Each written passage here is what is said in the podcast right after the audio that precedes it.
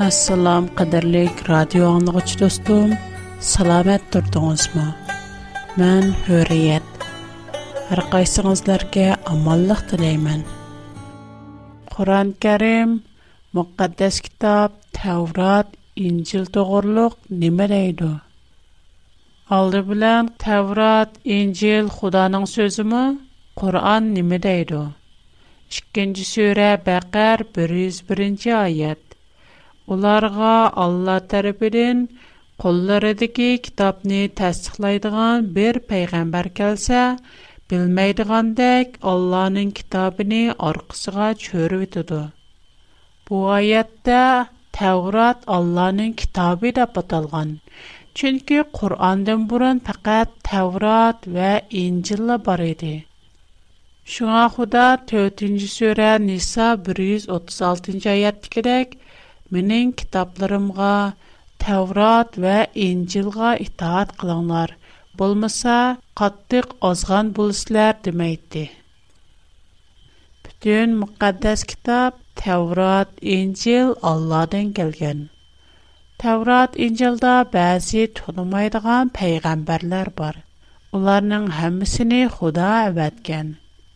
Гарча бу пайгамбарларнын хаммасы Qur'on Karimdə tulluq bir-birləb tilgə ilinməyən bolsunmu, amma Qur'on Karim bu peyğəmbərlərin Xuda tərəfindən əvətilgənligini, onlara işiniş kerakligini aytdı. 4-cü surə Nisa 163-cü 164-cü ayətni görüb baxaylı. Biz Nuhqa ва оныңдан кейінгі пайғамбарларға вәхи қылғандек, хақиқатан саңа вәхи қылдық. Әмді Ибрахимға, Исмаилға, Исаққа, Яқубқа, Яқубның әвладларға, Исаға, Айыпқа, Юнусқа, Арынға, Сулайманға вәхи қылдық. Даудқа зәбірне ата қылдық. Без нургон пайгамбарларны әваттук. Уларның арасында илгири саңа баян кылганларымыз му бар? Саңа баян кылмаганларымыз му бар? Алла Мусага сөз кылды. Шуңа гәрчә уларның һәммәсе тулык тылгы эленмәгән булсымы, әмма уларның һәммәсе Алладан килгән.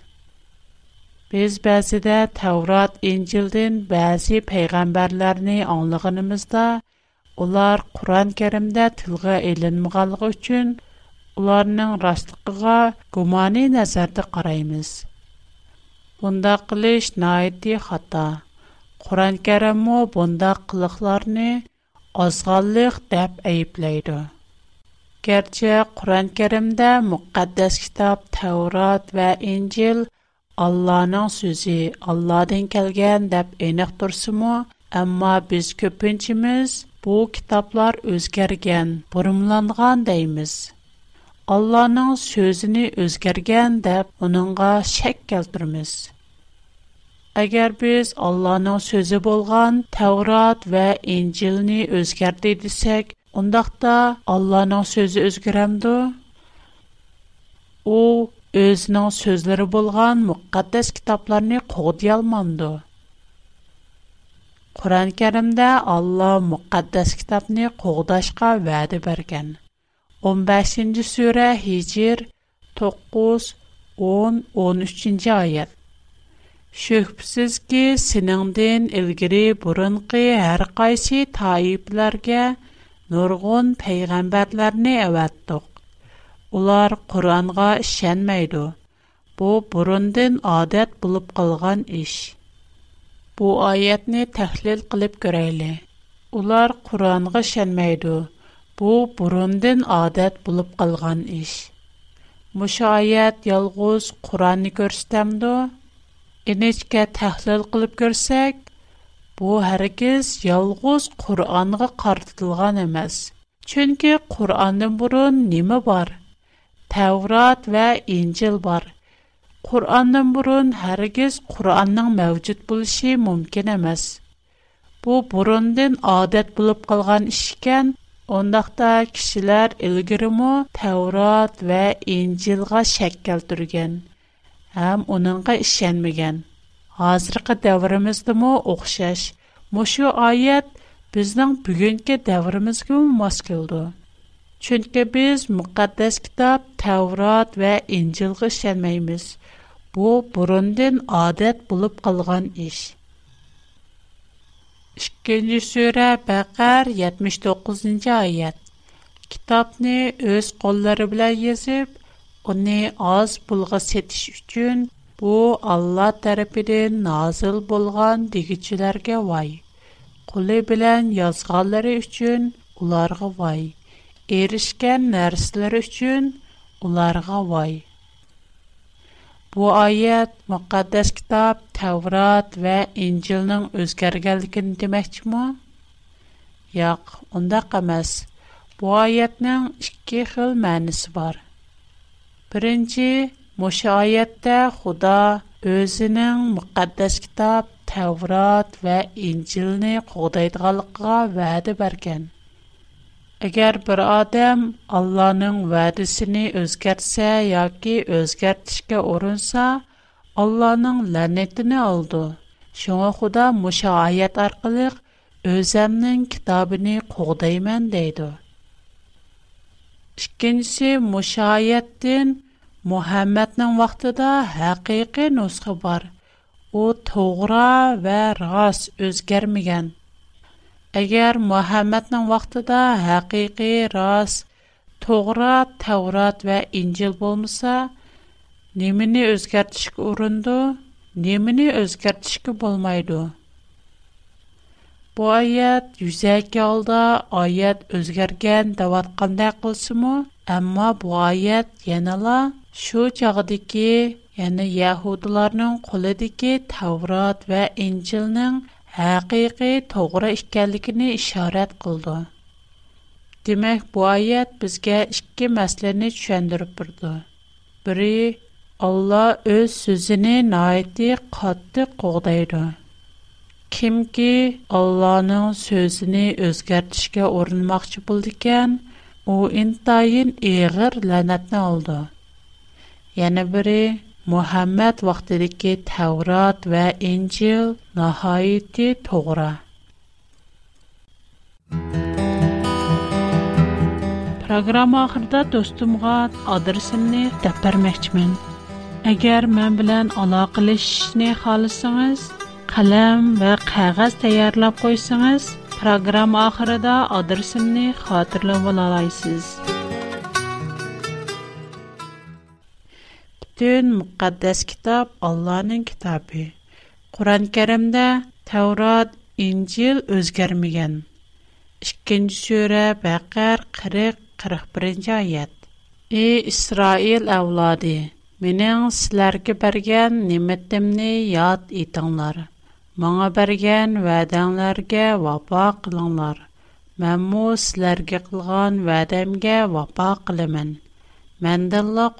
لان Мән назил кылган Тәуратны тәсдик кылгычы Куранга иман келтириңләр. Куранны беренче булып инкар кылгычы булмаңлар. Аятларымны арзан баһада сәтәтмәңләр. Маңа тәкъвадарлык кылыңлар. Уларның кулыда, яни яһудларның кулыда неме бар? Тәурат бар. Мухаммәднең вакытында уларның кулыдагы Тәурат бұрынғысы емес бәлки мұхаммәднің вақтыдекі азырқы тәурат нахайты тоғра дейді 10 сүре юнус 64-ші аят алла вәдісіге хылаплық қылмайды әні шу қатта бәқіттұр оныңдың башқа башқы тәржімелерді мұшы Xudanın sözünü hərgiz özgərtəlməydi, deyə tərcümə qılınğan. Bunun mənisi nə? Mənisi hətta Xudamu öz sözünü özgərtəlməydi. Bulubmu Uyğurca tərcüməsi şundaq deydi. Allah özünün vədəsinə xilaflıq qılmaydı, həm qılalmaydı. Çünki Allah naidi rastçıl, u bir ishni qilishga va'da qilgan ekan cho'qim shundoq bo'ldi qur'on muqaddas kitob tavrot va injilning o'rnini olamdi qirq birinchi sura fusilat qirq uchinchi oyatni ko'rib boqayli Саңа әйтілдіған сөзләр пәкәт илгерки пәйғәмбәрләргә әйтілған сөзләрдір. Бу аятның мәнісі پکت башка پیغمبرلر تلقه این مگان بلبل قلما یه نه محمد که башка سوزلر نن هم مسی باشکه پیغمبرلر گه اونان دن برون ات کم پیغمبرلر گه унтып سوزلر دنی برات چنکه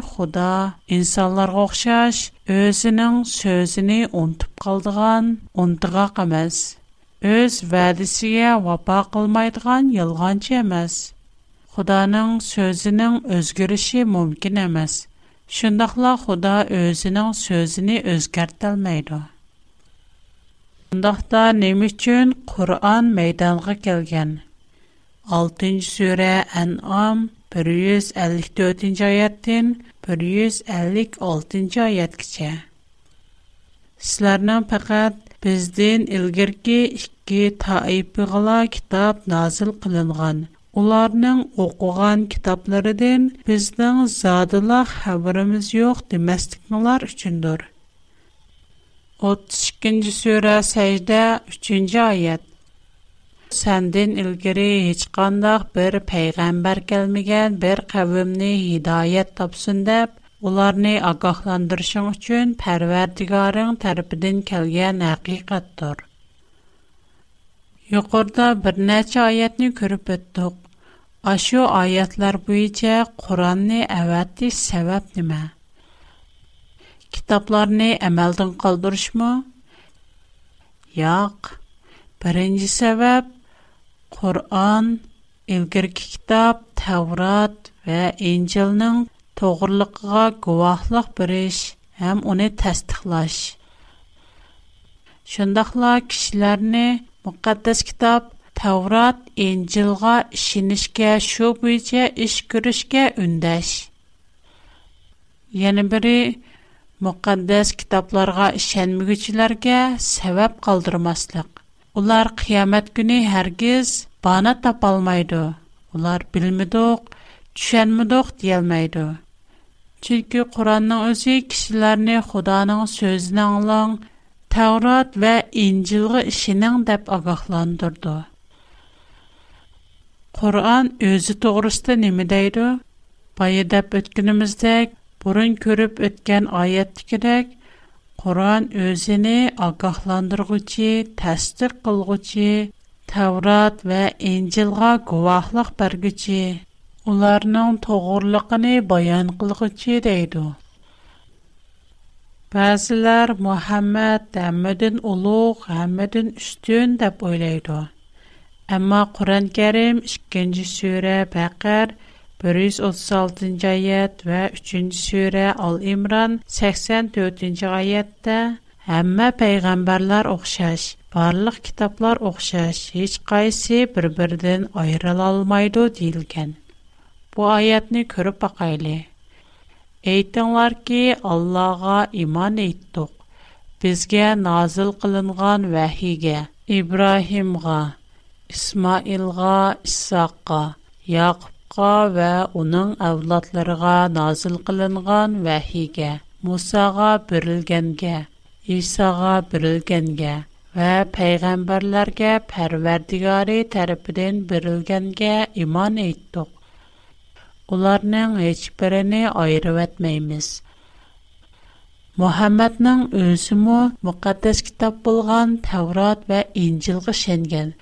Shundaqla boshqalarini mu Tavrot va Injilga ishinishga shu bo'yicha ish qilishga undigan, da'vat qilgan.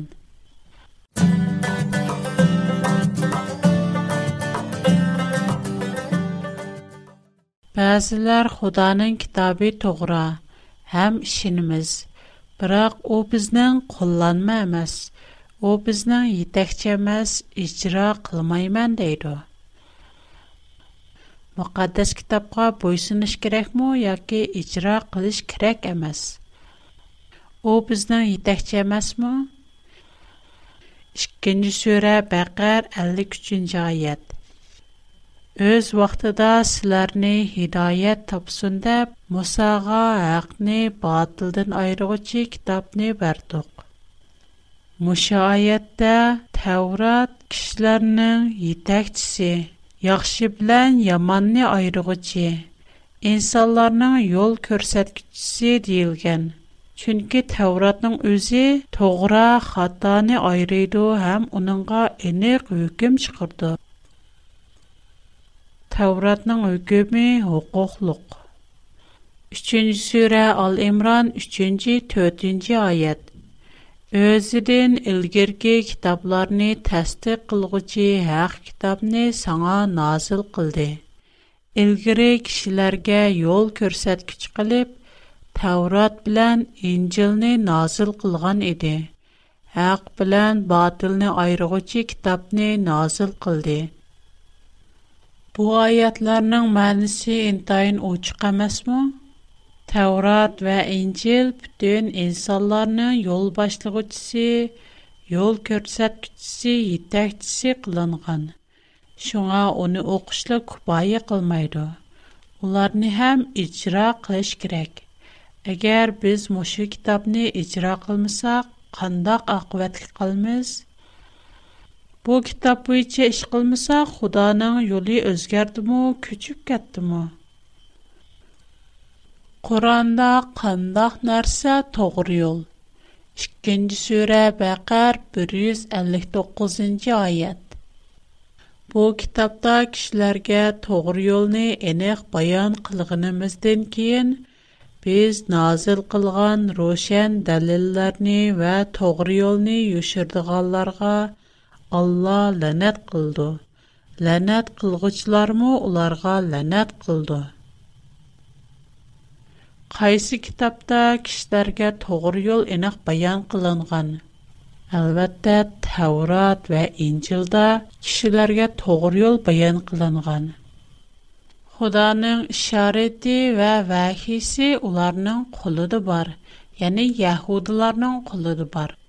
Олмаса, олар немені үшірді? Еш немені үшір алмайды. Әгер оныңға бойсынмасақ, нәг барымыз? Құда бізге мұқаддас китап, тәурат вә инжіліні ижіра қылмастықыны әргіз демеді. Шыққенде сөйрі бәқәр 87-ci айет. Шәк шөкіпісіз ке біз Мұсаға кітап бәрдіқ. Оныңдың Arqı marqa peygamberler awatdyq. Maryam ogly Isağa möçizeler berdyq. Hemde ony Ruhul Qudus bilen yoladyq. Her qachan birer peygamber köngülçülere ýakmaýdygan bir näse elip kelse, täkkaburlyk edýärämsizler.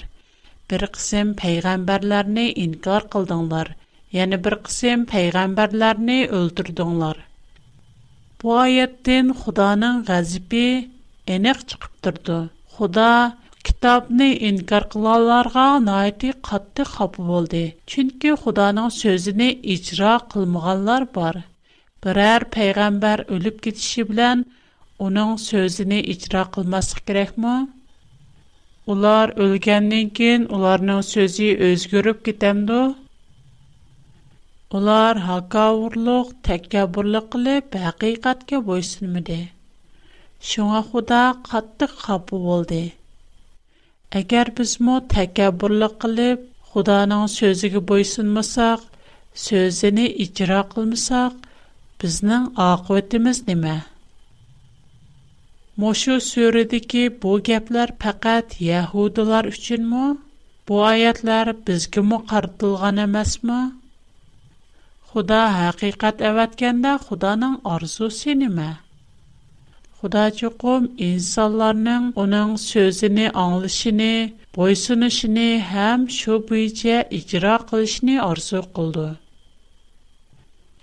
Худа Құранда мұқаддас китап, Таурат, Инжилни оқыш керек му, әмәс му, бұ тоғырлық немі дейді. Ишкенжі сөре Бәкәр 78-ci аят. Onlarning savadsizlari kitobni o'qimaydi, o'ydirmanala bildi, gumon bilanla ish qildi. Demek bu ayatning ma'nosi Xudoning so'zini faraz qilishga bo'lmaydi. Shak keltirishga texmo bo'lmaydi. Shunga Xudo ularni ayblab, ular gumonxo'rlar, savadsizlar deydi. Xuda bizning müqəddəs kitab, Tevrat, İncilni oxuşumuzni arzu qılandı. Şundaq əlbəttə Xuda bizning ularni oxuşumuzni həm yaxşı bilishimizni, tushunishimizni xalaydı. 3-cü surə Al-İmran 65-ci ayət. Ey əhli kitab, Nima uchun Ibrohim to'g'risida munoziralashsizlar? Holbuki Tavrat bilan Injil İbrahimdən keyin nazil boldu. Düşənməmsizlər? Demək şu çağda müqəddəs kitab Tavrat, İncil Yahudilərin qolunda bolsunmu, amma bəzi Yahudilər kitabni yaxşı oxumağan yoki düşənməyən. Şuna Xuda onları əyibləyən. Yana şu sürə 79-cı ayət. Алла برر انسان غا کتاب نه حکمت кин, پیغمبر لح نه برگندین کین. اون انجیلر گه الله نه قیوب معا بند بلوندار دیشی لایح بول میده. ولی کین کتاب نه یوگت کلیکانلار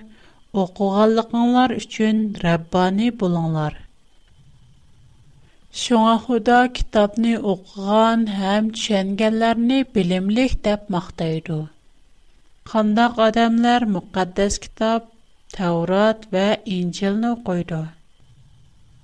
4. суре, Ниса, 162. айад. Уларның іщчидики билими чонқур болгаларға сана назыл қылынған китапға.